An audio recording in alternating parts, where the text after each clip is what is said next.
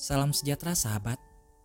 Ada pepatah, dia yang tertawa terakhir tertawa yang paling bahagia. Senin 5 Juli, bacaan Injil diambil dari Matius 9 ayat 18 sampai dengan 26. Seorang kepala rumah ibadat lalu menyembah dia dan berkata, Anakku perempuan baru saja meninggal, tetapi datanglah dan letakkanlah tanganmu di atasnya, maka ia akan hidup. Ketika Yesus tiba di rumah kepala rumah ibadat itu dan melihat peniup-peniup seruling dan orang banyak ribut, berkatalah ia, "Pergilah, karena anak ini tidak mati, tetapi tidur. Tetapi mereka menertawakan dia. Setelah orang banyak itu diusir, Yesus masuk dan memegang tangan anak itu, lalu bangkitlah anak itu.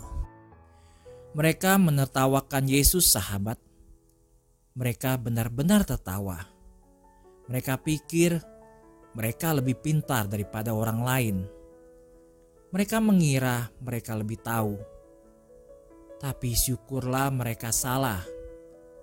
Kita dapat membayangkan rahang mereka terenganga ketika Yesus menuntun tangan gadis itu keluar dalam keadaan hidup dan sehat. Bukan hal yang aneh jika mereka menertawakan Yesus.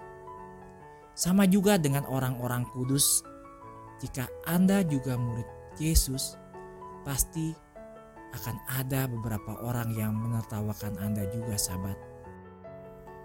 Mereka akan menertawakan kita, tetapi kita akan terus tertawa selamanya. Ada cerita di universitas ada sekelompok pengganggu yang biasa mengolok-olok seorang Kristen yang baik di kelas mereka. Dia bernama Bill mereka akan membuat komentar sarkastis tentang dia bahwa dia adalah seorang sakristan atau seminari yang menyamar dan komentar semacam itu. Bill tidak pernah menjawab. Dia selalu tersenyum dan tidak pernah kehilangan ketenangannya. Mereka adalah orang-orang yang baik, tetapi tidak menghormati Tuhan atau agama sahabatku.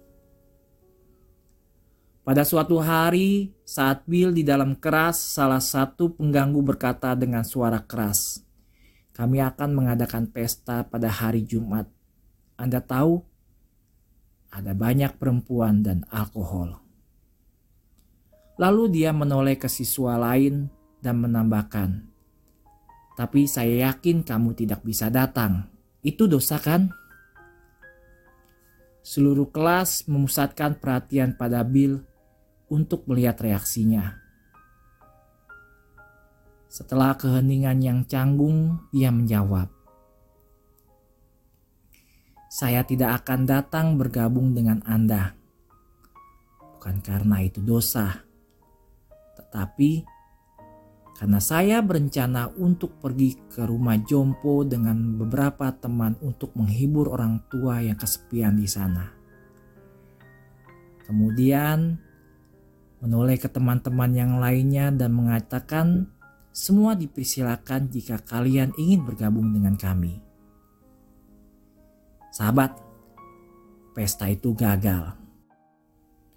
Lebih dari 20 teman membantu Bill mengatur pesta untuk orang tua jompo hari Jumat itu. Ada tawa di sana, sehingga beberapa orang tua bahkan kehilang gigi palsu mereka. Santa Maria, penyebab sukacita kita, semoga kita tidak pernah khawatir tentang tawa mereka yang tidak memahami kita. Semoga itu tidak pernah menghalangi kami untuk setia kepadamu dan menertawakan diri kami sendiri dengan sukacita yang sesungguhnya. Bunda Maria harapan kita dan tata kebijaksanaan, doakanlah kami.